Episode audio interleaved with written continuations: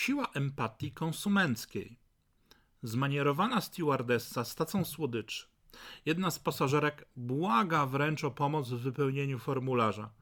Cukierki roznoszę, słyszy. Ta kultowa scena z filmu Miś jest sztandarowym, sztandarowym przykładem niemocy i codziennością w wielu firmach. 34 lata później pewna rodzina kupuje lot dla niepełnoletniego dziecka z punktu A do punktu B z pełną opieką stewardess na całym odcinku. Ale dziecko jak to dziecko, przesypia kolację, nie dostaje nic do picia, a na śniadanie wafelek. Samoloty się spóźniają, jak to podczas międzykontynentalnych lotów bywa, i dziecko w tranzycie się gubi. Nie dosłownie, ale nikt nie jest w stanie udzielić informacji, gdzie jest w danym momencie, jakim rejsem leci. Nikt nie jest w stanie też określić, kiedy dokładnie pojawi się w porcie docelowym. Opiekunowie krążą tam i z powrotem, słysząc co chwilę, że nikt nic nie wie. Niemoc XXI wieku.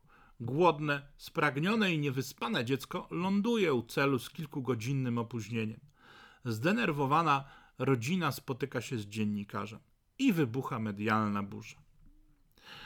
Od transportu do doświadczenia. Standardowe myślenie o usługach lotniczych zakłada, że to transport pasażerów z punktu A do punktu B. O ich jakości ma świadczyć punktualność, bezpieczeństwo, liczba posiłków na pokładzie czy dodatkowa poduszka. Kiedy na rynku zaczęły pojawiać się tanie linie lotnicze, w ramach rekompensaty za zabranie pewnych udogodnień pojawiła się walka o customer experience. Potrafiły one w doskonały sposób wykorzystać tę sytuację. Linie lotnicze przestały być firmami transportującymi ludzi. Zaczęły być transporterami pozytywnego doświadczenia klienta, stając się jednocześnie złagodzić ograniczenia pojawiające się w ofercie tanich linii. Ta różnica to szczegół, ale ma kolosalne znaczenie. Rolą każdej stewardesy w liniach lotniczych jest opieka nad pasażerami, a może być ona różnie rozumiana. W standardzie jest uśmiech, miła obsługa, reakcja na zapytanie, podawanie posiłków, przestrzeganie procedur, pomoc pasażerom w razie potrzeby. Skoro jest napisane, że trzeba roznosić cukierki, to trzeba roznosić. Jeśli nikt nie napisał w instrukcji o pomocy pasażerom, nie jest to niczyim obowiązkiem. Tymczasem matką nowoczesnego marketingu jest empatia, bardzo specyficzna umiejętność wczuwania się w rolę klienta. Empatia konsumencka. To właśnie ona kazałaby przypadku opóźnień samolotów informować nas o sytuacji, tak żeby nikt się nie niepokoił. Przewóz pasażerów różni się bowiem od podróży samolotem, właśnie tym szczegółem. Empatia konsumencka jako cecha personelu obsługi sprzedaży, czy marketingu, czy jakichkolwiek kontaktów z klientem jest kluczowa dla customer experience. To właśnie na tej bazie restrukturyzowano sieć Starbucks. Nowi pracownicy mieli po prostu lubić ludzi. Był to jeden z podstawowych warunków zatrudnienia.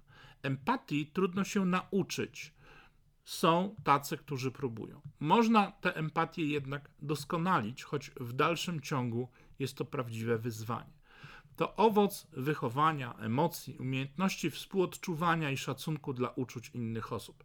Podobnie jak asertywność, empatia jest elementem inteligencji emocjonalnej. Dziś staje się szczególnie ważna.